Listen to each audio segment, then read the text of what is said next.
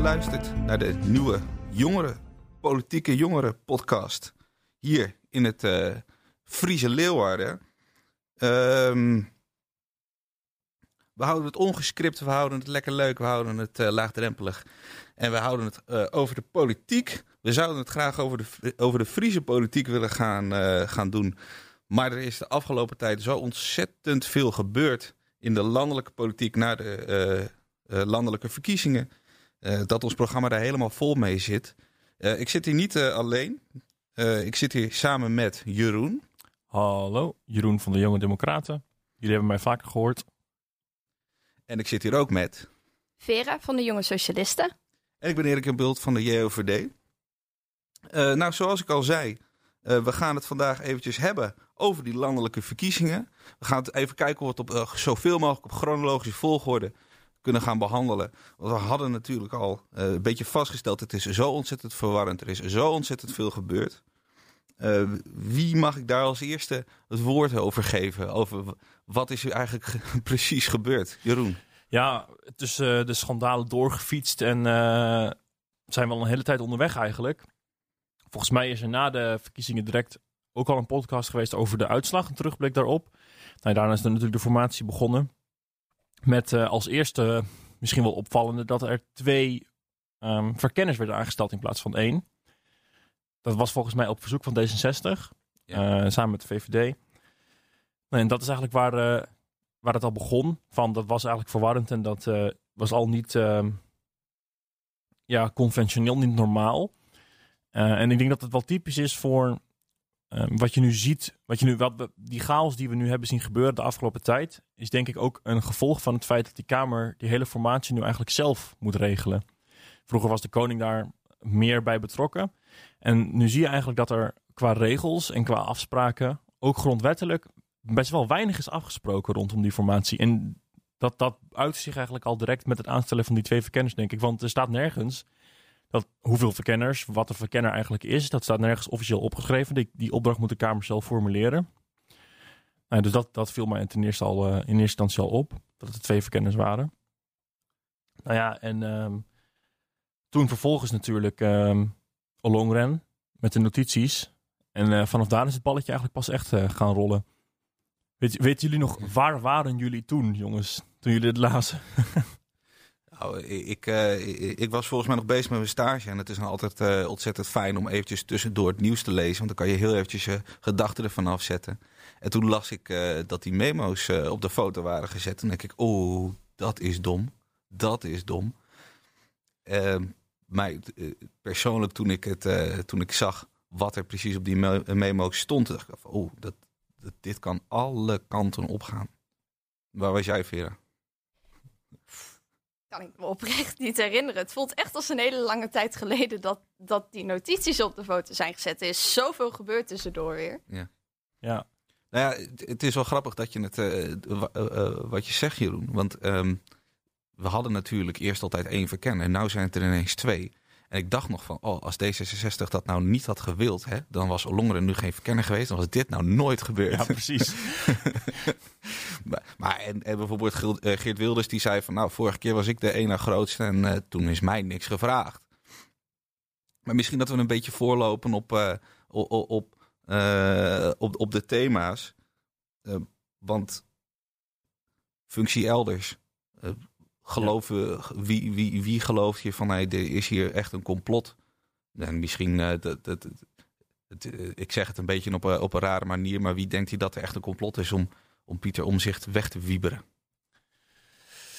Ja, ik vind het een hele lastige. Want eh, als je gesprekken hebt met politici en met topambtenaren, dat is het sowieso.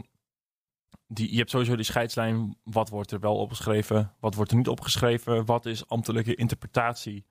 Eh, en wat heeft een politicus echt gezegd? Ehm, da- daar, sowieso op die scheidslijn tussen de, tussen de ambtelijke top en de politiek en de bestuurlijke top is sowieso altijd een beetje een moeras eigenlijk van, van interpretaties en wat is wel politiek en wat is niet politiek. En dat is, het hier, dat is denk ik een kwestie een, of een ehm, aspect hiervan wat, wat het allemaal zo vaag maakt. Nee, ik denk niet dat er echt een gigantisch complot is geweest om Pieter Omzicht de Kamer uit te werken. Dat zou echt absurd zijn, denk ik. Ehm, maar dat zijn naam daar staat, dat was natuurlijk, dat is niet toeval, denk ik. Dus even, maar wat er dan precies gebeurd is, ja, ik vind het een, eh, ik vond het, ehm, ik vond het ook lastig om in dat hele debat, ook toen het Kamerdebat daarna kwam, om nou echt precies de vinger neer te leggen op wat er, wat ik nou dacht dat er gebeurd zou zijn en wie daar dan schuldig aan zou zijn. Ja, nou, volgens mij is het hele probleem geëvalueerd in een totaal nieuw probleem. Want eh, het is natuurlijk niet de bedoeling dat we het over personen hebben in die formatie, of in die verkenning, sorry. Ehm, en met we bedoel ik dan de fractievoorzitters. Nou ja, goed. Hè? Eh, dan is dat gebeurd. Boeiend, zou je zeggen. Maar het gaat er natuurlijk uiteindelijk om. Rutte die heeft gezegd, nee, dat heb ik niet gezegd. Ja, ja precies. Dat was ook zo. Dat zei hij in eerste instantie, ja. Klopt. Ja. En vervolgens blijkt Uit de notulen. Ja. dat dat wel zo is. Ja. En dan heb je dus te maken met iemand die liegt, zou je denken. Maar hij is natuurlijk slim genoeg om te zeggen, wacht eventjes, er zijn meer mogelijkheden hier. Mhm. Maar, Ik denk zou je, natuurlijk ook kunnen zeggen dat ik me niet heb kunnen herinneren. maar denken jullie echt dat hij het zich oprecht niet herinnerde toen hij dat tegen de journalisten zei? Ja, dat, eh, dat vind ik een hele lastige vraag. Het zou kunnen.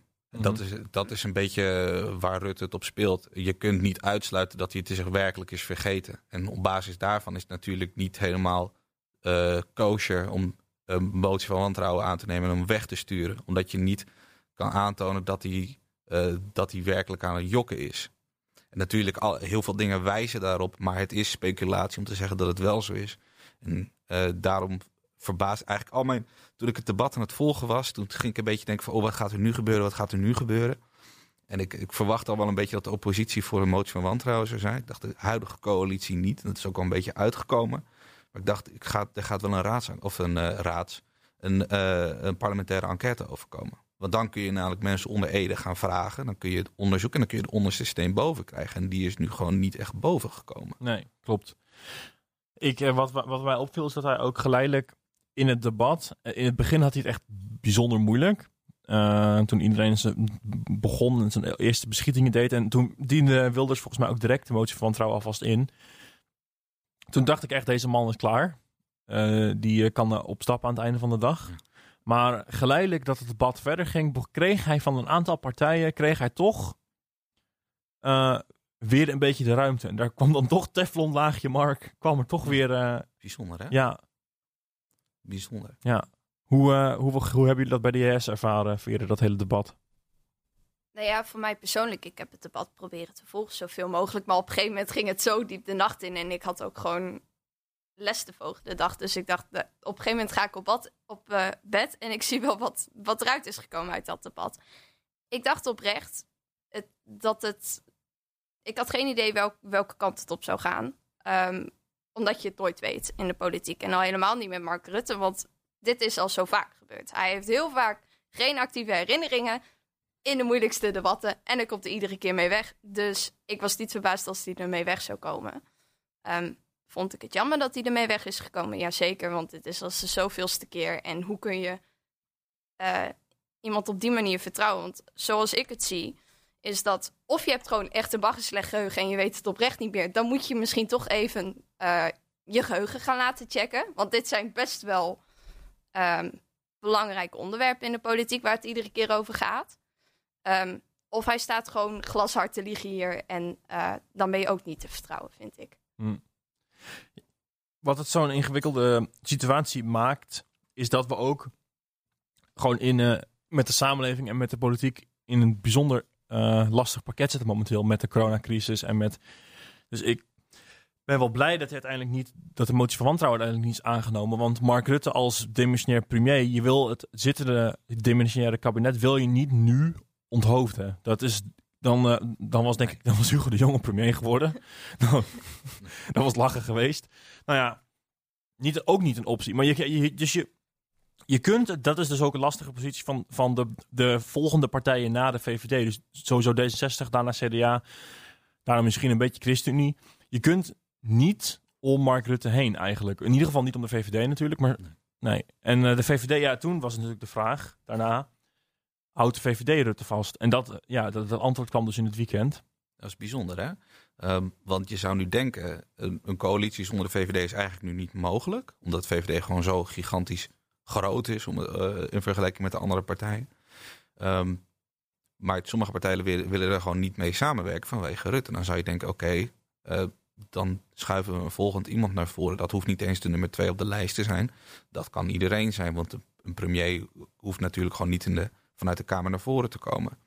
Alleen, ehm, het is nu natuurlijk een beetje uh, ook wel gokken, geloof ik, vanuit de VVD om te zeggen: oké, we houden Mark Rutte wel vast.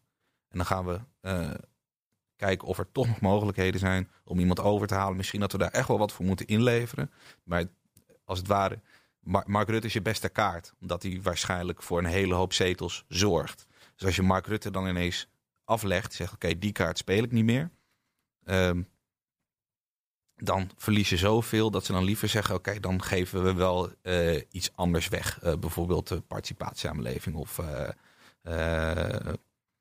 dan, dan, dan, dan gaan we niet meer lenen voor je studie, weet je wel, dat soort dingen. Mm -hmm. dat, dat, dat ze dat liever inleveren dan dat ze Mark Rutte nu inleveren. Om misschien dat ze bang zijn dat, dat je daarmee je kopstuk, dat er niet echt een goede nummer twee is. Die zijn er wel, maar die zijn nu niet aangewezen. Komt natuurlijk omdat Klaas Dijkhoff op het laatste moment nou, op het laatste moment, uh, vrij laat in de afgelopen periode ineens wegging en hij een beetje aangewezen nummer twee was. Ja, als Dus- ik de VVD was, had ik het nu wel gedaan. Hm. Omdat je nu nog vier jaar hebt tot de volgende verkiezingen, als het goed is, toen in ieder geval. dus daar kun je van herstellen en dan heb je vier jaar lang de tijd om, eh, om voor de volgende verkiezingen een goede lijsttrekker aan eh, te stellen. Ja, dat, eh, dat is natuurlijk ook wel zo. Ja, wie, wie dan? Ja. Dat is dan de grote ja, dat vraag. is een goede vraag. Nou, dat is toen gebeurd. En toen kwam eigenlijk het weekend van bezinning, dacht iedereen. Eh, en toen kwam toch eh, Gert-Jan Segers met Ja. de steel chair, zeg maar. Ja, ja. Maar het, het- hij is daar vervolgens wel weer op teruggekomen. Ja, en er precies. zijn dan mensen die zeggen: Oh, dat is ook wel weer een beetje laf, weet je wel. Waarschijnlijk ziet hij dan zijn kansen weer verdampen. Maar ik denk niet dat dat zo is. Ik denk dat Gert-Jan Segers werkelijk iemand is die zegt: ehm, die, die het absoluut 100% het beste wil vanuit zijn visie. Natuurlijk zijn er standpunten waar je, waar je wel of eh, niet eh, voor kan zijn. Maar dat hij werkelijk eh, het beste wil voor het land qua, qua besturen. En dat vanuit, als hij een beetje druk voelt vanuit zijn partij, dat dat, ik denk niet dat dat per se betekent dat hij zwak is. Maar ik denk wel dat hij het vermogen heeft, en sommige politici in de, in de landelijke politiek missen dat wel, om terug te komen op zijn besluiten. Gewoon te zeggen, ja, ik heb dat niet, ik, ik heb misschien een beetje te snel gehandeld. ja. Of zie ik dat verkeerd? Nou, wat ik eigenlijk meer een patroon zag, was dat dat, dat hele debat was toen geweest. En toen die, eh, toen eigenlijk de, bijna de gehele Kamer voor de motie van afkeuring stemde, toen dacht ik ook van oké, we gaan nu zien wat er gebeurt. Ik, toen waren er eigenlijk een paar losse dingen. Of, of D66 had definitief gezegd, we willen niet met Rutte door. Of CDA had dat gezegd. Of VVD zelf had gezegd, we schuiven iemand anders naar voren toe. Dat, ik dacht dat dat de opties waren. Dat is uiteindelijk allemaal niet gebeurd. Ehm, nou, daarna is het eigenlijk weer wat stiller geworden. En ehm, vervolgens was er dus, naar mijn idee, in de afgelopen twee weken, voordat wat gisteren bekend werd over de ehm notulen uit de ministerraad, was er eigenlijk langzamerhand, waren, was iedereen zichzelf er eigenlijk mentaal op aan het voorbereiden om toch misschien dan maar Rutte 4 te gaan doen. Ja. Dat zag ik in ieder geval. Gert-Jan Segers die dan sorry zei. En dus die, dat zag ik echt al echt ruim ver aankomen. Alle mensen, alle linkse partijen waren, op, waren op. Twitter ook allemaal weer boos van zie je wel, zie je wel. Nou ja, en, ehm, en toen gebeurde dus eh, die notulen van die ministerraad. Ja, en dat eh, verandert natuurlijk de zaak weer helemaal. Maar het, het, het bevestigt wel een beetje het idee. Waarom hebben ze in die eerste aanleg, bij die eerste motie van wantrouwen, het CDA en de het D66 niet gezegd van oké, we vertrouwen het niet meer. Eh, omdat er dus toch nog wel wat, wat meer gebeurd was eigenlijk. Mhm. En eh, de- nou, nou ben ik van de JVD en is Jeroen van de, eh, van de JD. Eh, als we nou eventjes iemand pakken die er helemaal buiten staat, wat vind jij daarvan? Vera? Ehm, over waarom ze die motie van afkeuring hebben gedaan. Of Ja, nou, v- vanuit het hele dat het nu blijkt. eh, hè, er zijn wel ministers ook van buiten de VVD. die, eh, die zich bewust zijn van, eh, van eh, wat er achter de schermen gebeurt. ja, maar dat, dat zul je altijd hebben in een kabinet. Dat, dat is nooit één partij. Dus er zitten altijd meerdere eh, partij in een kabinet. Dus er zijn altijd andere partijen, ministers, die weten eh, wat zich daar heeft afgespeeld. En wat je nu op dit moment hebt, is dat D66 en CDA beide door een minister worden geleid die bij dat overleg waren. Ja. Dus die weten wat daar zich heeft afgespeeld. Dat, dat, dat, ja. Ik, ja, nee, ik, ik vind het lastig dat, ja, het, het is moeilijk allemaal te beseffen wat, wat er nou allemaal gebeurt. Dat, dat je gewoon denkt, het kan haast niet meer erger dan Rutte die, die bijna, nou, valt. Een motie van afkeuring die dan helemaal breed gedeeld wordt, behalve de VVD. Bijna gekker kan het haast niet worden, zou je denken. We zijn twee, drie weken verder en wat blijkt? Ja, nou, Hoekstra zou gezegd hebben over zijn eigen omzicht dat hij hem probeert te sensibiliseren. Ja, inderdaad. Ja. En het is niet gelukt. Het is niet gelukt, zeker niet. Maar dat heeft, dat heeft ehm, Omtzigt ook wel eens gezegd. Dat hij gewoon, nadat hij op de vingers was getikt, gewoon nog weer een set extra moeilijke kamervragen heeft ingediend. Ja, Dat, ja. dat vind ik eigenlijk ook wel van, van kracht zien. Dat hij ook wel een beetje lostrekt van wat de partij eigenlijk wil. En dat heeft hem ook beloond, zou je zeggen. Dat hij 342.000 voorkeurstemmen heeft. ja. Een, een, een, een heuse parlementariër, zeg maar. Ja. Ja, dat, ik, ik vind dat zeker wat, wat parlementariërs zouden moeten doen. Soms moet je misschien iets minder wat de partij wil. En soms moet je gewoon iets meer doordrukken. Al helemaal als coalitiepartij. Ehm, maar ja, dat, dat, ik denk dat dat ook wel het geluid is wat je nu de laatste tijd heel erg hoort. Is van, hé, we moeten iets meer los van die... Zulke dikke Ja, coalitieakkoorden waarin we die dichtgetimmerd zijn, waarin we helemaal niks meer kunnen doen. En we volgen maar gewoon de regering, wat, wat partijen op dit moment heel erg doen als ze in de coalitie zitten. Maar kan Cenk Willink dat, eh, dat gedaan krijgen, denk je? Dus dat, maak even een bruggetje naar het volgende onderwerp. hoor. Ja, ehm, nou ja, hij heeft wel heel veel ervaring natuurlijk als, als eh, informateur. Ehm, maar aan de andere kant, juist doordat hij heel veel die ervaring heeft, het is wel die dichtgetimmerde regeerakkoorden. Die zijn van de afgelopen decennia en ze werden steeds dikker. En Ja. wie zat daar steeds bij Ja, als informateur? Ja. Cenk Willink. Ja. Maar het, is natuurlijk ook een goede reden voor. Hè? Dus Ja. de, de laatste uitzending van Arjen Lubach heeft hij het daar natuurlijk over gehad. En ik keek dat en ik vond het toch een beetje frustrerend als bestuurskundige. Dat ik denk, hé, maar je benoemt helemaal niet... waarom zijn die dingen dan eigenlijk dikker geworden? Meer partijen, denk meer ik. partijen. Er zijn ook meer Inderdaad. afspraken die je wil maken. En je wil Ja. natuurlijk niet eh, in, de positie komen dat je eh, zegt van oké, jij krijgt dit en ik krijg dat. Nou, voor, wel, voor welke gaan we eerst stemmen? Nou, eerst voor dat van jou.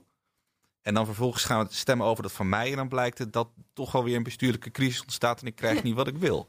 Dat soort dingen moet je gaan vastleggen en eh, afspraken over maken van oké, krijg ik mijn participatiesamenleving, dan krijg jij wat meer sociale huurwoningen. Zeg maar. op, die, op die manier maak je dat soort afspraken. En dat wordt, gaat steeds meer in de details. En dan, oh, dan houden we nog een beetje geld over. Waar gaat het dan heen? Krijg jij dan niet te veel? Wordt de balans niet verstoord? En dan ga je het op de miljoentjes eh, aan laten komen. Dat geeft wel heel veel duidelijkheid natuurlijk. Hè? En dat kun je natuurlijk eh, zeggen van nou, over vier jaar moeten we daar zijn. We hebben alles doorberekend. We hebben overal rekening mee gehouden. Dan krijg je een beetje planeconomie-achtige achtige situatie. Maar het klopt natuurlijk wel. Wat, moet oppo- wat heeft de oppositie dan nog te doen? Anders dan hier en daar een keertje een foutje eruit te plukken. Maar ja, je ziet nu ook, we zitten nog steeds met dat we op zijn minst eigenlijk vier partijen nodig gaan hebben. Eh, gezien PVV waarschijnlijk gewoon niet gaat gebeuren. Ehm, dus dan krijg je toch weer hetzelfde probleem eigenlijk. Van ja, of een dichtgetimmerd akkoord of je krijgt weer een bestuurscrisis. Dat, dat is een beetje hoe ik het eh, nu hoor. Het zal vooral, denk ik, ehm, ik, dat is dus wel een dingetje wat D66 heeft. Het zal denk ik vooral in het voordeel zijn van D66 om een wat dikker regeerakkoord te maken. Voor- Omdat er toch over rechts behoorlijk wel wat meerderheden te vinden zijn in de Kamer. En over links eigenlijk gewoon niet. Want hoe, hoe, hoe graag je natuurlijk als, eh, als grote VVD bijvoorbeeld Forum en eh, Ja 21 en PVV wil uitsluiten. Ja 21 willen ze niet uitsluiten, maar laat ik het eventjes zo, eh, zo zien. Als het dan ineens gaat over een bepaald rechtsonderwerp, noem iets. En je dient gewoon zomaar willekeurig een wetsvoorstel in. Dan kan die nog zomaar ineens worden aangenomen. Ja. Gewoon over de rug van, eh, van eh, eh, D66 en de ChristenUnie heen. Ja, nee, precies. Dus ja, het, het, het, heeft, ja, het heeft gewoon het. je moet het vertrouwen inbouwen, zeg maar. Gestold, of hoe heet het? Gestold wantrouwen. Zo, heet, heet, zo Ja. worden die dingen toch genoemd in de regeerakkoorden. het geeft natuurlijk ook wel een beetje weer op wat voor manier het wordt gedaan. Hè? Het- po- politieke partijen zijn rivalen van elkaar, maar je moet ook met elkaar samenwerken. Zo werkt consensus. Ja, en dat is denk ik waarom eh, sowieso de middenpartijen, dus ook CDA, D66, VVD, eh, ChristenUnie, ehm, maar ook bijvoorbeeld, ik denk dat de PvdA daar ook wel een klein beetje mm, in hetzelfde schuitje zit. Die zullen toch ook wel, ondanks al deze crisissen, dat, ze, dat zij eigenlijk, ehm, dat daar eigenlijk de hoofdrolspelers zitten in wat er al mis is gegaan, zullen ze toch hun best doen om gezamenlijk door te gaan of om er gezamenlijk wat te brei- van wat te breien. Want je wil namelijk niet dat het hele systeem eh, in elkaar dondert. Want er zijn natuurlijk nu een paar best wel heftige dingen gebeurd. We hebben eigenlijk helemaal, het is duidelijk geworden dat we eigenlijk helemaal niet goed hebben afgesproken nu hoe we die formatie gaan doen. Terwijl het toch iets belangrijks is. Ja.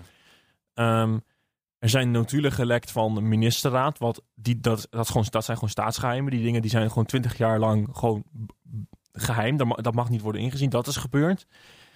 Nou ja, de toeslagenaffaire is. Er zijn best wel een aantal dingen gebeurd. die wat schade brengen aan de integriteit überhaupt van het gehele Nederlandse politieke systeem.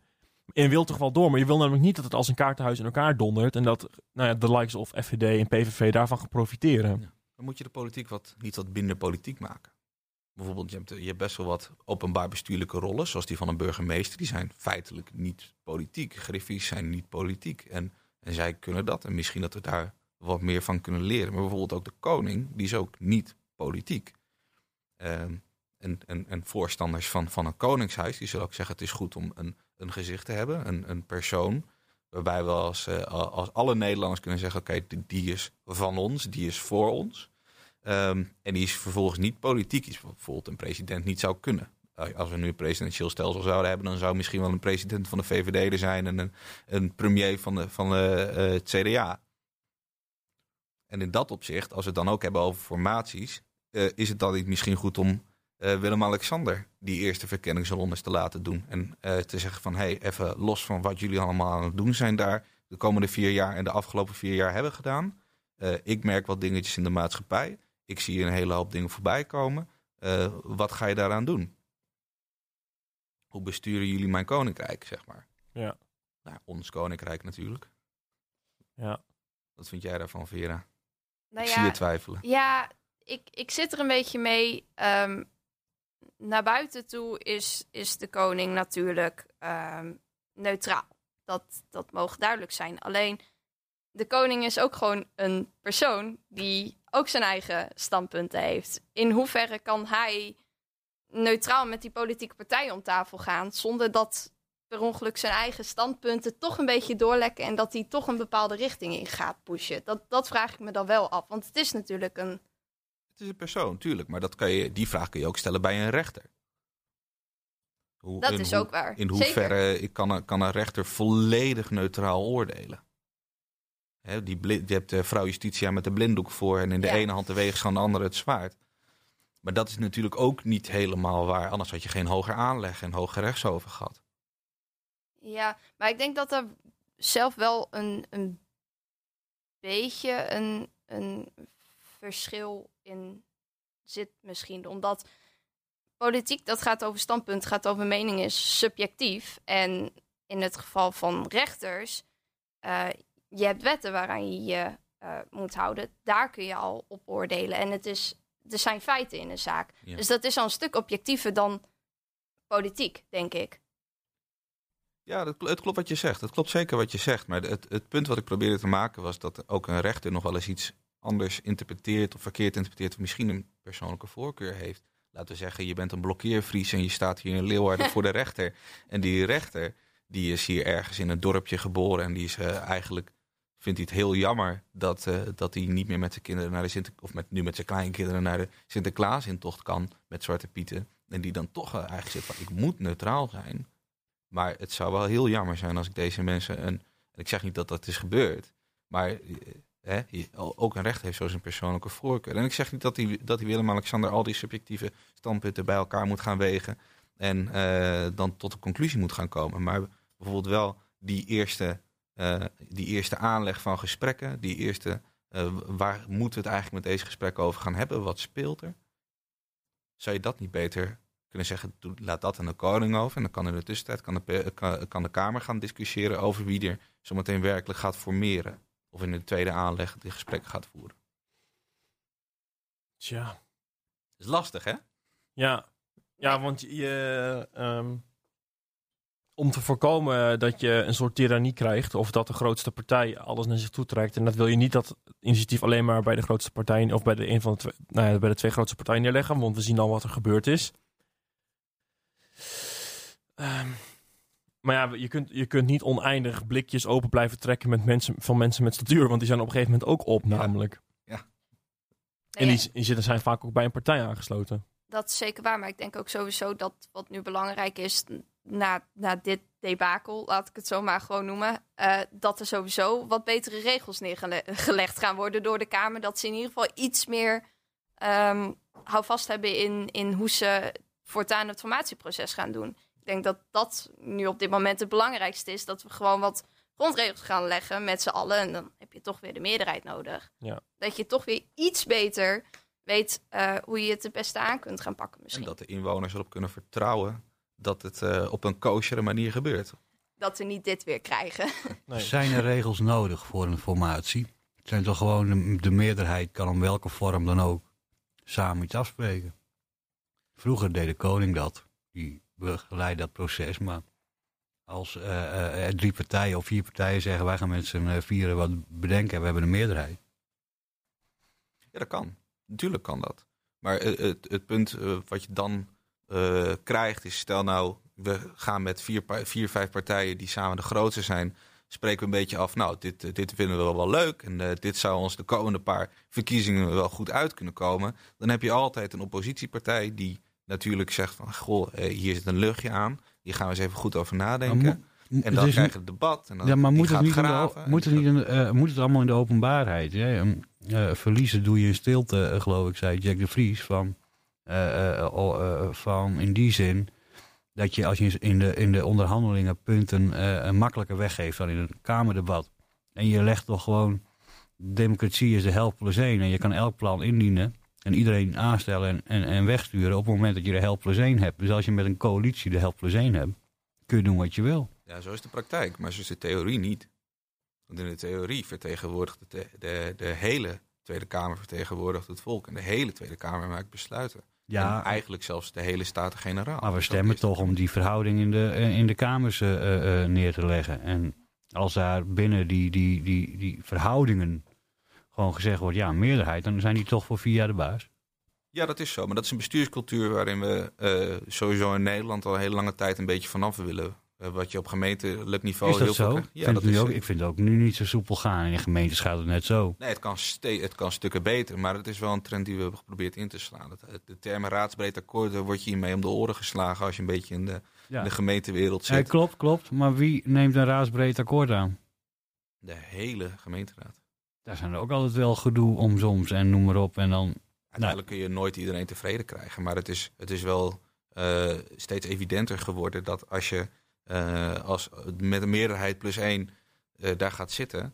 eh, en je zegt, nou, jullie met de oppositie, dat is allemaal super interessant wat jullie zeggen. Maar ja, ik heb er geen oor voor, want we hebben al een deal liggen. Dat is precies wat er mis is. En dat is precies waar men vanaf wil komen dat- om dat- de, het dat vertrouwen gebeurt toch aan de andere kant net zo? Nee, de ene keer dan zitten ze in eh, de, de Partij van de Arbeid. Ja, het moet allemaal open, eerlijk. En het moet dan, eh, ja, met negen zetels eh, wil ik ook dat de oppositie wat te zeggen heeft. En toen zij met 30, 40 zetels samen het Rutten-kabinet was, was het ook allemaal achterkamertje politiek.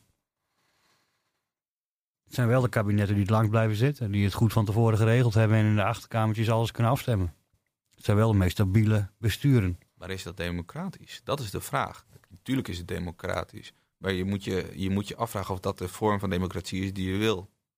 En het is best wel duidelijk geworden, althans, daar, daar is een redelijke consensus over, dat eh, dit soort dingen breder moeten worden gedragen. Dat, de, Maar eh, ja. dat er in de Tweede Kamer wordt overlegd over wat we gaan doen. En Ja. niet in de achterkamertjes. Waarom- Dat de Tweede de Kamer Tweede een Kamer- stempel is. En dan hou ik op. op waarom zou je in hemelsnaam eh, naar de Tweede Kamer gaan als daar partijen zitten die nou, elke keer bewijzen van het debat starten met een motie van wantrouwen? Waarom zou je, als er zo'n afrekencultuur is, zo'n onderlinge cultuur van, eh, eh, eh, ehm, als je campagne stuurt, eh, voert om eh, eh, niet voor je eigen punt op te komen, maar om een ander weg te stemmen. Hè? Want dat zijn bij sommige partijen de campagneslogans. Waarom zou je daar überhaupt mee in gesprek gaan? Omdat die mensen democratische legitimiteit hebben om daar te zitten. Maar je is- moet ook naar hun luisteren. Ja, maar zij komen niet met plannen, zij komen alleen met Ja. weg. Ja, alleen dat is dus een beetje, de- dat is denk ik ook een symptoom van het systeem. Namelijk als je niet een fatsoen, een kamer hebt met tanden en zeg maar je macht en tegenmacht goed geregeld hebt, dan is het heel makkelijk om in zo'n kamer dat soort dingen te gaan zitten krijsen, omdat je toch al weet dat het geen consequenties heeft. Ja. Dus dat is misschien eerder gewoon een symptoom van het feit dat ze daar, dat ze in die kamer gewoon lekker eh, kunnen gaan doen. En het is ook een gevolg van het, van het wantrouwen in de politiek natuurlijk. Hè? Er zijn heel veel mensen die zeggen, oh, dat zijn allemaal... eh, die, die mensen die vangen alleen maar geld. Die, die zitten een beetje te lullen met elkaar, koffie te drinken... en die verdienen bakken met geld. En eh, de- die, het maakt er allemaal niet uit wat er met de, met de inwoners gebeurt. Ja, één keer in de vier jaar, want dan moeten ze er weer ingestemd worden... zijn ze allemaal poeslief. Hè? En, en de mensen die zo in het leven staan... eh, die stemmen natuurlijk op, op, op anti-establishment partijen. Dan moet je denken aan de PVV, dan moet je denken aan de, ook wel aan de SP... op de, op de andere flank. Nu ook de, de PVV heeft toch ook een, een verantwoordelijkheid in dat proces. En ik heb niet het idee dat het, al- hè, er wordt nu constant gewezen naar partijen die groot zijn. Eh, eh, eh, maar ook de kleine partijen die nemen geen enkele moeite, lijkt het wel, eh, of oppositiepartijen, om ook maar iets aan de oplossing bij te dragen. Nou, Nou, PvdA en GroenLinks hebben die zijn nog constructief op volgens de geheimen natuurlijk toch een aantal dingen gezegd over elkaar die ze in de campagne niet gez- gezegd hebben hoor. Nee, maar Oh, we willen ze best wel loslaten hoor. of je moet het coalitieland loslaten en je moet naar een Engels systeem gaan of districten of wat dan ook. Want Oh, dan, dan God, wordt, nee. Nee, maar het punt is ook, als jij eh, eh, eh, op Rutte stemt, dan krijg je er 40 VVD'ers bij. Ja. Ja, nou, en die VVD'ers doen allemaal wat Rutte zegt. En we kunnen wel op, op, op, op Aukje de Vries stemmen, maar Aukje de Vries die, die, die zit gewoon in de fractiediscipline.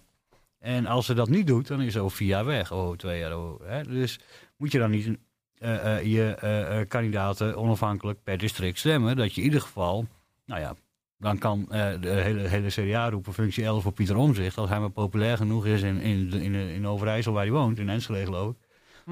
Dan stemmen die En er wel voor in. dat, dat, op zich is dit wel mogelijk, maar dat hoef je niet per se met een districtenstelsel te regelen. Wat je, wat je ook zou kunnen doen, eh, moet ik even heel hard nadenken, want dit is een, eh, ook een, een idee wat in het programma van de JD staat, geloof ik hoor. Ehm, maar dat is, nee, ik hoop, loop geen reclame te maken, maar het is meer dat ehm, het, idee dat je dat eh, een lijst van een partij, eh, of tenminste de uiteindelijke fractie, op twee manieren tot stand komt. Namelijk een gedeelte eh, of tenminste de Kamer. Een gedeelte van de Kamer wordt samengesteld op basis van de lijsten van de partijen. En een gedeelte wordt samengesteld aan de hand van onafhankelijke kandidaten, waar je ook zeg maar, op kunt stemmen. Dus dan stem je eigenlijk op een partij. Waar- En dat is dan 40% of 60% waard van je stemmen, als het ware. Of van de stemmen, waardoor je dus de partij een gedeelte geeft. En die zijn eigen lijst mag bepalen. En een gedeelte van de stem, dus je stemt eigenlijk dan twee keer als het ware op het biljet. Een andere stem gaat naar iemand anders of een onafhankelijk iemand. Of dat je, dat je daarmee op zich maar garandeert dat mensen wat onafhankelijker van hun partij kunnen opereren. Of zou je niet gewoon eh, de premier onafhankelijk moeten stemmen? Naast de Kamer. Dus de, de uitvoerende en de controlerende macht aanwijzen. De- Je, hè, je krijgt dan hele nare situaties dat eh, de premier moet natuurlijk samenwerken. eh, sowieso met het hele kabinet. Eh, dus dan zou je eigenlijk het hele kabinet zo moeten stemmen. nou ja, Maar dat hij moet- het kabinet zelf samenstelt. dan, krijg je, dan ga je richting Nee, dat je een, semi-presidentieel presidentieel- stelsel. ja. Ja. maar dat kan ook binnen een, eh, monarchie. Maar dat je zegt, oké, wij, st- wij stemmen voor een persoon die een eh, uitvoerende macht is. En we, hebben, en we stemmen voor de controlerende macht. Ja, oké. Dus, dus je wil, je wil een eh, directe verkiezing van de, van de uitvoerende macht. Nee, ik wil het. Ik weet niet of ik het wil. Nee, maar dat stel- dat- ik, dat- dat stel je vraag. voor. Ja. Ja. Hè, dat is misschien wat, wat eh, eh, dat je gewoon, nou ja. Het lastige daaraan is dat dan een, een uitvoerende macht, die krijgt zijn legitimiteit direct van het volk. En als je als controlerende macht dan vragen gaat stellen, dan kan die, die uitvoerder, dus die premier of die president, die kan dan zeggen van ja, dat is allemaal leuk dat u dat vindt, maar ik heb mijn mandaat van het volk gekregen. En Ja, maar wat u daarvan vindt, dat is allemaal leuk. U heeft uw mandaat, ik heb mijn mandaat. U doet wat u doet. Ja, maar dat mandaat is redelijk beperkt. Als er geen, hij moet zijn wetten wel.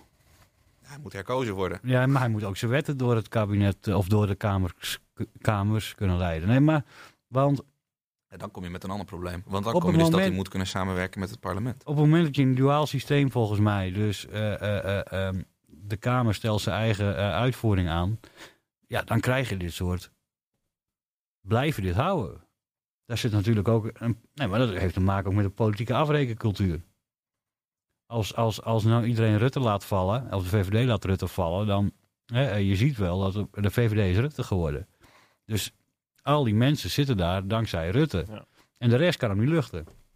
Nou dan, wat dat betreft zou, je, zou dat ook wel oplosbaar kunnen zijn met een maximaal aantal termijnen voor een premier bijvoorbeeld. Dat Ja. je na twee gewoon op... eh, Nou, opstapt. kijk, kijk da- daar zeg je wel wat. Want ehm, het is goed gebruik binnen de VVD dat je als Kamerlid twee termijnen mag zitten. Aukje de Vries is een uitzondering, omdat de afdelingen hier in het noorden hebben gezegd... wij willen graag dat Aukje terugkomt.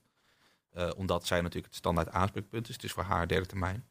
Maar voor Rutte is het dan zometeen de, de vierde termijn dat hij premier zou worden, in theorie. Hij heeft er al drie gehad. Hij is daarvoor staatssecretaris geweest. Hij zit er al super lang. volgens diezelfde logica had hij eigenlijk de afgelopen keer al moeten stoppen. Ja. En dat is natuurlijk een beetje vreemd. Ja, want dat is het hele punt in Nederland met die vertrouwensregel. En Dat, die geldt eigenlijk over het algemeen meer voor ministers dan echt voor de, voor de premier. Het is best wel heftig als een heel kabinet eh, komt te vallen of zo.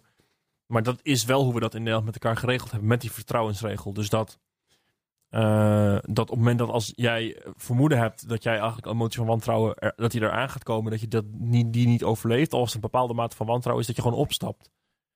En dat is eigenlijk hoe dat geregeld is. Alleen het punt is dat je nu in een situatie komt waarbij elke andere minister was opgestapt. Alleen omdat het dus Rutte is en omdat Nee, het dus... omdat corona is. Ja, ook. Ja, ook. Volgens mij is dat de enige reden waarom Klopt wel wat je zegt door het. eh, eh, CDA en D66 eh, en, en ChristenUnie hem hebben laten zitten. Niet zozeer om, Nee, of ze met hem willen regeren, nog een periode. Nee, van, ja, we, we, we zijn nu niet in de positie, denk ik, als land om, om de uitvoerende macht weg te sturen.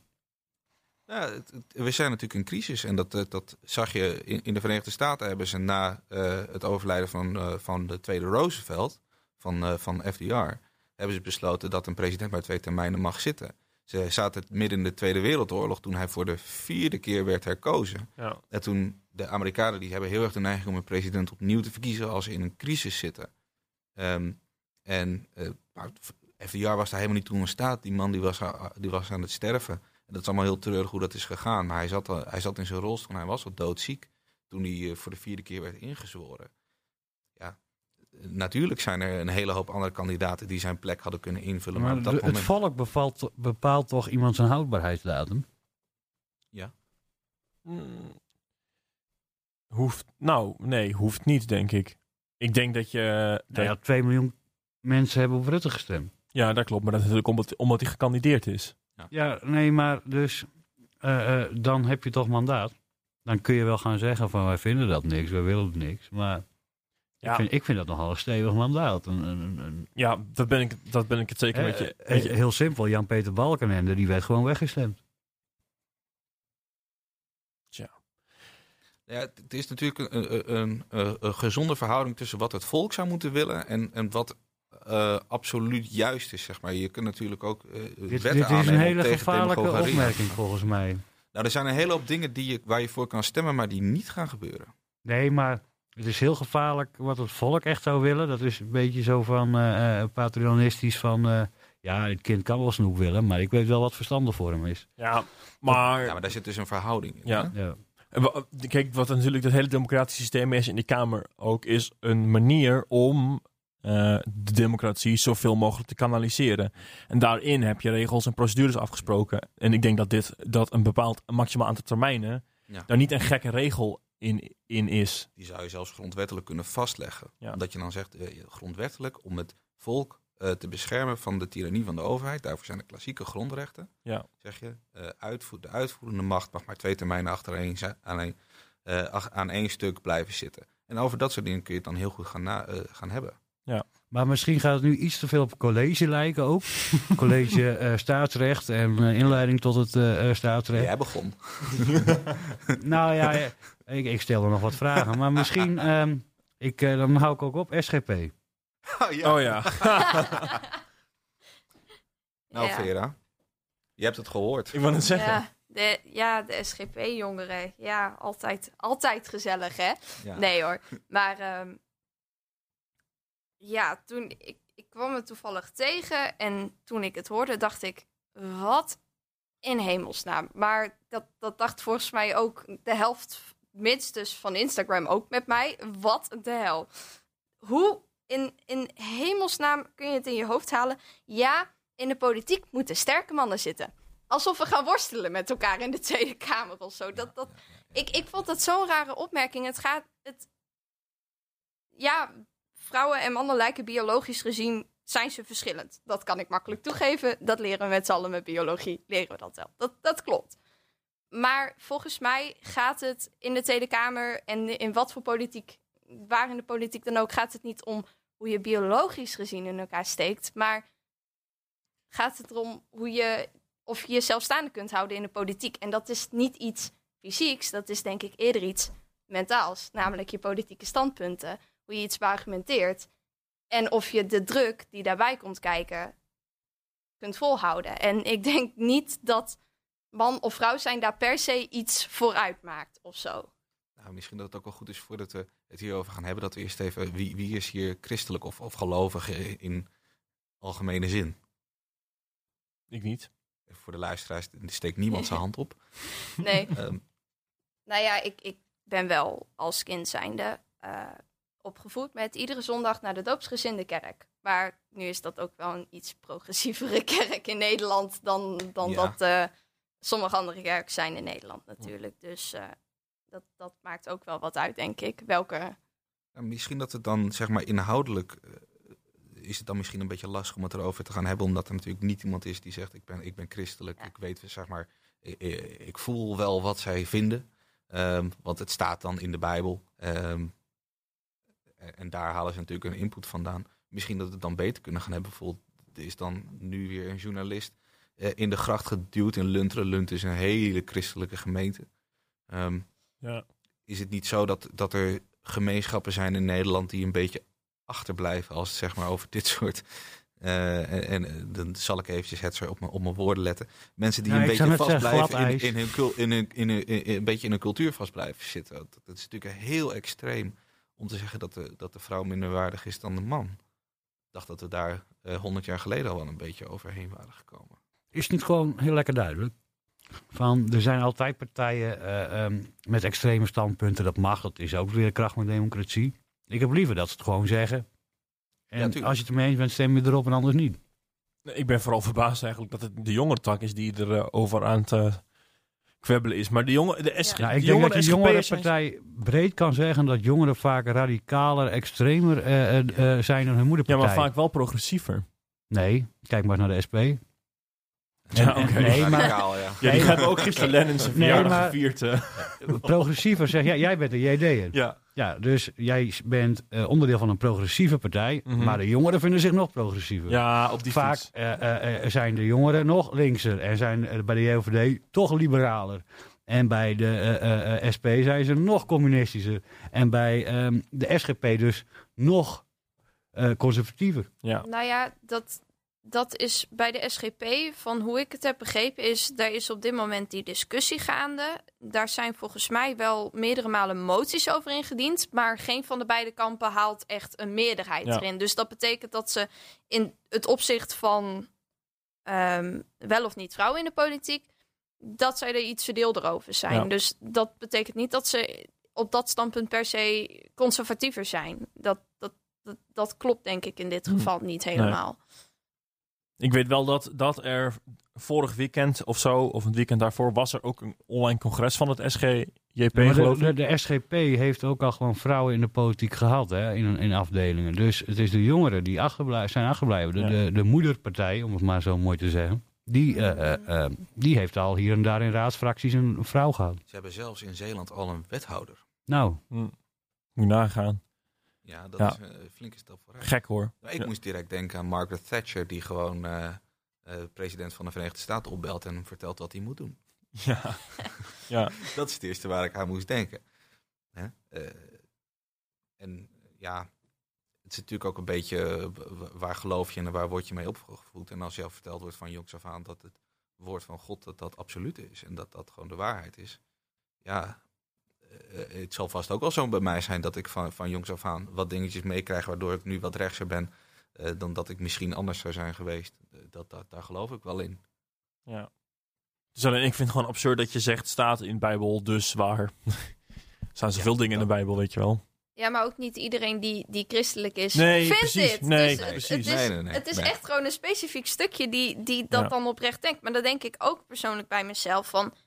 De, als je bijvoorbeeld kijkt naar de Tweede Kamer, daar is nu volgens mij 39% vrouw. Vind je dan dat, dat, dat die het niet goed doen of dat die eruit moeten? Of van, heb je niet Ja. al gezien dat vrouwen het best kunnen doen? Het is misschien, ja, ik, ik vond het zo'n rare opmerking, want het is prima als jij als partij ervoor kiest om niet vrouwen op de lijst te zetten. Maar om dan te zeggen, ja, vrouwen die zijn niet.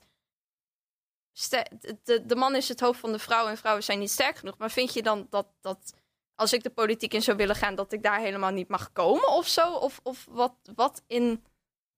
Wie, wie heeft hier op een, eh, op een vrouw gestemd? Ik wel. Ja, ik ook. Nee, ik dit keer dus niet. Maar Hm. dat is omdat Haptamu de Hoop dus op de lijst stond. Oh, ja. En dat is, Ja, een, dat is een Friese jongere. Ja. En die, die zit bij de JS. Dus ik heb er ditmaal voor gekozen om, om op een vrouw te stemmen. Maar met de Europese verkiezingen heb ik bijvoorbeeld wel op een vrouw gestemd. Ja, toen heb ik weer op een man gestemd. Heb ik nog wel gestemd. Ja. dus nee, ik, ik kijk meestal naar. naar ehm, ik vind het wel belangrijk dat, er dat er meer vrouwen in de politiek komen. Ehm, maar ik kijk wel van wie vind ik op dit moment de meest de beste kandidaat om op te stemmen op dat moment. En ik dacht op dat moment dat, dat met de Tweede Kamerverkiezingen vond ik Haptamu op dat moment gewoon de beste kandidaat Hm. om mijn stem te vertegenwoordigen. Iedereen was behoorlijk onder de indruk van zijn uh, maiden speech gisteren. Klopt, Had ik voorbij zien komen. klopt. Het was echt een hele mooie maiden speech, Nou, zeker. Vertel, verteld, ik had het gisteren heel druk. Ik heb het voorbij zien komen op zijn, op zijn Instagram. Heel veel. Maar Telkens alles gedeeld, inderdaad. vertel. Ja, dat, ja, zoals jullie misschien wel weten, als je een medespeech doet, dan mag je ook je persoonlijke verhaal vertellen.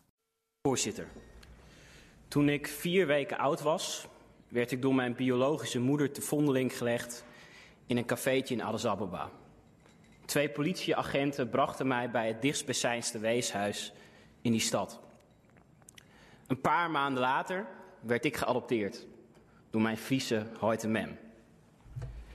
Wie mij op deze wereld heeft gezet, dat is voor mij onbekend. Maar wie mij de liefdevolle opvoeding hebben gegeven, waardoor dat ik vandaag op deze plek kan staan, daar bestaat geen enkele twijfel over. Mijn hart groeide op in Wommels. Van jongs af aan hielpen mijn paken Daan op de boerderij. En op zijn 23ste nam hij de grootste verantwoordelijkheid van het bedrijf op zich.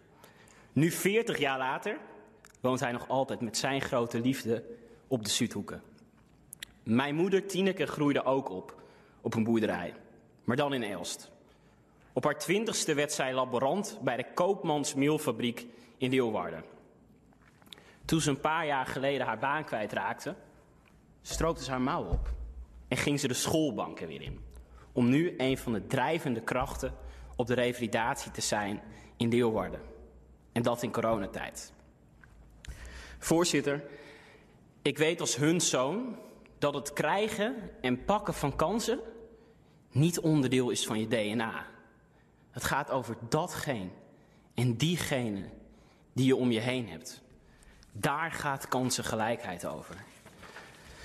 Kansengelijkheid gaat over veel meer dan geluk. Het gaat over wat je meekrijgt en wat je kan leren. Op school, om je heen, van ervaringen. Of de voetbaltrainer van je club in je dorp.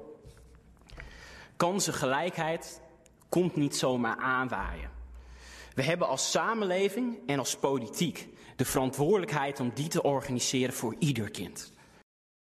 Ja. Um, nou, zijn persoonlijke verhaal is dus is dat hij, toen hij een paar weken oud was, is hij ter vondeling gelegd in uh, Ethiopië, in de hoofdstad. En toen is hij op een gegeven moment geadopteerd door Friese ouders. En dat is hoe hij hier terecht is gekomen. Dus dat, daar ging zijn medespeech onder andere over. Hm. En over kansengelijkheid en hoe die een beetje is opgevoed. Ja. Dus een hele mooie speech. Ja, dan heb je recht, uh, wat meer recht vind ik, om te zeggen wie er in de politiek zit uh, en hoort te zitten dan, uh, dan als SGP'er die loopt te klagen over vrouwen, zeg maar. maar je mag toch gewoon zelf daar een mening over hebben? Natuurlijk, Uh, oh, ja, ja. Nee, maar eh, eh, eh, eh, laat vooropstellen, het is natuurlijk een beetje een, een ridicule mening. Eh, eh, maar, nou ja, ik heb wel... Je hebt gewoon aan allebei de kanten mensen die vinden dat er geen vrouwen... Misschien wel geen moslims, denk ik ook. Geen mensen met dubbele nationaliteit. Geen mensen... eh, eh, nou ja, en ik denk dat in extreme gevallen geen donkere mensen... of dat je minimaal zes generaties Nederlands voorouders moet hebben. Weet ik veel wat. Die, die, al die rare gedachten heb je. Mhm. En, en eh, eh, ja, eh, de politiek is de plek om dat te veranderen. En, en om dat uit te dragen. Ik- de- hè, als je, als je eh, voor eh, legalisering van, van, van harddrugs bent, moet je in de politiek zijn.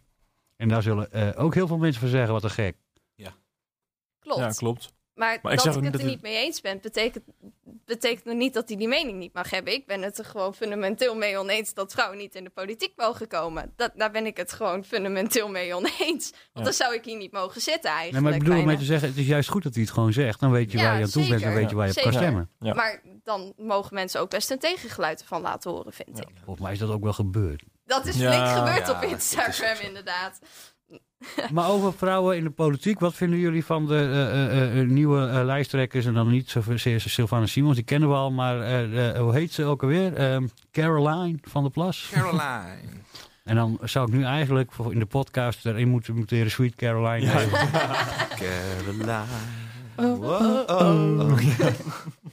Maar wat vinden jullie daarvan? Nou, ik, ik heb wel in mijn jaarlaag van mijn studie eh, zijn wel mensen die, die, wat, haar wat interessanter vinden dan ik. Maar ehm, wat ik tot nu toe van haar heb gehoord, vraag me een beetje af, eh, als ik terug ben naar de kern, wat is je boodschap? Hè? Eventjes heel eh, alle mooimakerij ervan af. Wat zeg je eigenlijk nieuw? Wat zeg je eigenlijk wat nog niet is gezegd, alleen je zegt het op een andere manier? En dat is natuurlijk mooi, hè? dat je zegt van ik ben er echt voor de mensen die eh, vanaf de periferie komen. Dus niet alleen de boeren, maar ook de burgers uit de periferie. Maar dat is allemaal al wel een keertje gezegd. En, en eh, Rutte gaat weg, ja, dat, natuurlijk, dat hoor je elke week. Wat, wat is er nieuw aan? Ja. Dat is een beetje mijn, mijn vraag. Toon, vorm, eh, gewone mensentaal misschien. Niet Haags, niet... eh, eh, ja. ja. Ja, laagdrempeligheid, maar dat wil de SP ook heel graag. ja, maar die lukt het niet blijkbaar. Nee, die zitten er al sinds 2006. Nee, ja, daar zijn natuurlijk ook weer, Nee, maar die zijn- er zijn ook weer andere factoren die daarin meewegen. Nou ja, dan heb je ook erfopvolging toch? Ja. Bij de SP. Wat hebben we bij de SP? Erfopvolging. Ja, inderdaad. ja. Ja. Ja, ja ehm, wat ik gewoon er interessanter vind, dat ze... De BBB is sowieso wat, ik weet niet sowieso, ik heb niet echt die verdiept wat voor partij het nou eigenlijk überhaupt is. Of ze een partijstructuur hebben überhaupt. Wat, wat moeten ze... Ik heb wel gehoord dat het, dat het eigenlijk gewoon een grote marketingplooi is geweest. Em, eh, en dat, het gewoon, dat er gewoon een consultancybureau eh, achter zit. Maar ik weet niet of dat de waarheid is. Dat Maar- zit bij elke... eh, ehm, Ja, tuurlijk, maar dan huur je het als partij in. Ja, Ehm, en, nou, nu, nu komt de partij voort uit de marketingplooi. Zeg Ja, maar. Dus precies. de rollen zijn omgedraaid. Ja, het is alleen, ja, ik vind het een beetje gek als je op een trekker aankomt op het Binnenhof en dan vervolgens boos wordt dat iedereen je als een boerenpartij afschildert. Ja. Dus Ja, ga er dan ook staan en zeg: Ik kom hier vanuit, eh, op die trekker omdat ik, eh, eh, ik, ik draag in, in hart en nieren zeg maar, wat, wat die mensen van die boerenprotesten vinden. En dat is zeg maar mijn ludieke actie. eh, en, en als je dan eh, al voor boerenpartij wordt uitgemaakt, zeg dan van: Nou, moet je eens even luisteren, eh, lees mijn standpunten dan even goed door en kom dan over een half uur weer terug. Ja. Hè? Eh, Wees dan vooral inderdaad niet op je teentjes getrapt. Maar ik denk dat ze, dat ze het CDA bijvoorbeeld wel lastig kunnen gaan maken hoor. Omdat het CDA toch wel standaard een beetje de landbouwpartij was. En die kunnen als middenpartij en als regeringspartij eigenlijk gewoon straks niet meer om het toch wel minder agrarische beleid wat we gaan Ja, voeren maar- heen.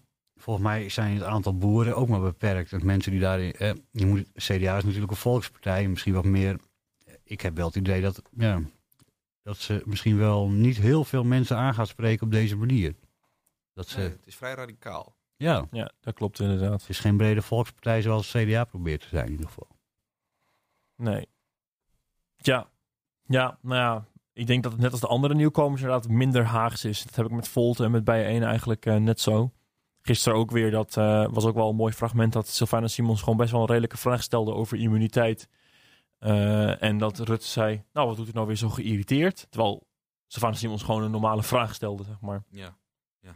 Maar ja, dat is misschien ook wel een beetje het, het imago dat nu ook onder andere een beetje om Sylvana Simons heen hangt. Van dat ze altijd dat, dat radicale geluid is die Mm. en vaak geïrriteerd zou zijn of zo. Maar dat, dat, ze heeft natuurlijk hiervoor ook al in, in de eh, Amsterdamse gemeenteraad gezeten. Dat daar een beetje dat, dat beeld vandaan is gekomen. Terwijl dat misschien helemaal niet per se zo waar is. Nou, ze is nooit op televisie als het ermee eens is. Misschien is dat misschien ook wel. Nee, dat klopt. Dat is inderdaad de, de keer dat je erover hoorde in de Amsterdamse gemeenteraad. Was toen de hele Amsterdamse gemeenteraad over de heen viel. Eh, Ja. Toen, Over de politie ging dat. ja, inderdaad, over de politie. Inderdaad. Dat, toen, toen werd dat opeens heel groot en verder hoor je bijna niet. Dus het, het is gewoon het imago, denk ik ook een beetje dat over de, de heen hangt. En eh, hoe, hoe ze afgeschilderd wordt, inderdaad. Dat wordt gedaan alsof ze heel geïrriteerd is, terwijl ze misschien een hele redelijke vraag stelt. Ja. Niet altijd, natuurlijk. Soms heeft ze ook best wel een, een in mijn ogen, nou ja, radicaal punt misschien. Maar soms dan stelt ze gewoon een hele redelijke vraag. En dan wordt het gedaan alsof ze vet geïrriteerd is, terwijl het een redelijke vraag is. Maar, maar als, als, als de boer-burgerbeweging dan zeg maar een beetje de, de, de kleine concurrent is van de PvdA of van- van het CDA, eh, is Volt dan ook een beetje de kleine concurrent van de D66? Ja, Ja. Dat, dat, dat zou wel goed kunnen inderdaad, ja. En mm, Nou ja, ik denk dat je het gewoon zo moet zien dat ze weer een niche binnen een bestaande partij pakken. Het CDA is natuurlijk een niche, is een eh, afdeling boer en radicale eh plattelandsbewoners, zeg maar. Die gaan naar boer, burgerbeweging. De radicale eurofielen zullen misschien naar eh, Volt gaan. Net zoals waarschijnlijk de mensen binnen de PvdA, SP en GroenLinks... die vooral op de nou ja, diversiteit of verschillende ehm, etnische achtergronden zitten... naar Denk en naar, ehm, naar bijeen zullen gaan. Dus het zijn vaak... Ja, soort nou, afsplitsingen zijn het niet, maar ze pakken een stukje van een partij Ja. die een deel van die partij heel belangrijk vindt. Denk ik. Eh, Hoe En- zie jij dat, Jeroen? Want het is zeg maar wel een beetje jullie... eh, nou, ik zie Volt niet per se dan als gigantische eh, concurrent of zo. Ik denk dat D66 ze eerder als bondgenoot moet zien. En daarnaast is het wel zo dat Volt gekomen is met drie zetels. D66 nog steeds heel veel zetels gehaald heeft. En nu in de laatste peilingen Volt groeit. En D66 ook groeit. Ja, nee, maar dat, eh, dat betekent dus wel dat, dat je kan kunnen stellen dat zonder Volt misschien D66 al drie zetels meer had Ja, gehad. dat klopt inderdaad, ja. Ik zie ze niet naar heel veel andere partijen gaan. Ja, misschien GroenLinks, maar Nee, precies. Het is interessant, hè? Dat de, de, aan de ene kant heb je die Volt, die zeggen dat, dat Europa, dat daar kun je lekker in samenwerken. Je, je hebt een, part- een pan-Europese partij die in heel veel landen eh, actief is. En dus ook alles een beetje bij elkaar trekt. En aan de andere kant heb je partijen die zeggen, je moet die macht moet je veel meer richting de periferie. En dat eh, mag veel verdeelder. En eh, misschien het liefste zelfs ook wel uit Europa. Dat is wel een trend die, die ik persoonlijk een beetje herken, die ik ook wel veel teruglees. maar nu haal je macht en inhoud door elkaar misschien wel. Waarom? Omdat Volt volgens mij heel erg is voor lokale eh, invloed en lokale dingen die je lokaal kan regelen, maar wel met een eh, Europees breed programma. Dus de inhoud is pan-Europees, maar hun machtsverdeling niet per se. Ja, dat snap ik. Maar de, de PVV die zal al bijvoorbeeld als eerste, wanneer ze de kans krijgen, de Europese Unie opheffen. En eh, de, de, de, de, de macht, zeg maar, weer terug naar de Nederlanders, dus naar het Nederlandse volk. Ja, maar zij proberen ook van- in Europa de macht te krijgen. Dus dat is puur inhoud. Dat is gewoon niet zozeer de structuur. Het is niet zo dat ze bepaalde eh, structuren niet willen. Volgens mij wil Volt prima lokale verkiezingen en lokale democratie. Eh, alleen, ze willen niet zozeer... eh, ehm, ze willen wel met één Europees gelijk programma. Nou, volgens mij wil Volt ook wel meer Europese samenwerking op bepaalde Zeg maar, punten. Ja, nee, maar dat ik, kan. ik haal macht Ja. en inhoud door elkaar, omdat macht en inhoud natuurlijk in, in dit opzicht eh, eh, eh, staan ze ook naast elkaar. Ja, nee, het, is, het een is het gevolg van het ander vaak. Ja. En het gaat ook een beetje om waar ligt de macht. En eh, bijvoorbeeld eh, de, de, de ja 21 Forum, die zullen zeggen, haal die macht alsjeblieft weg uit Brussel. Ik denk dat... eh, Ja, en dat, Volt zou zeggen dat kan wel meer mag. Ja. Daar, daar mag wel wat meer macht heen als het, als het zou moeten. Hè, misschien zelfs, zelfs wel graag. Maar ik vind het wel... eh, E- Even om de tijd, want eh, ehm, we zijn al bijna een uur bezig. Ik zeg nog een uitsmijter voor iedereen. En dan, eh anders is het heel lang. mogen we geen Rutte 4 krijgen straks? Dat is mijn uitsmijter. Dus Rutte 4, ja of nee? Ja, nee. Nee, ik niet, dus.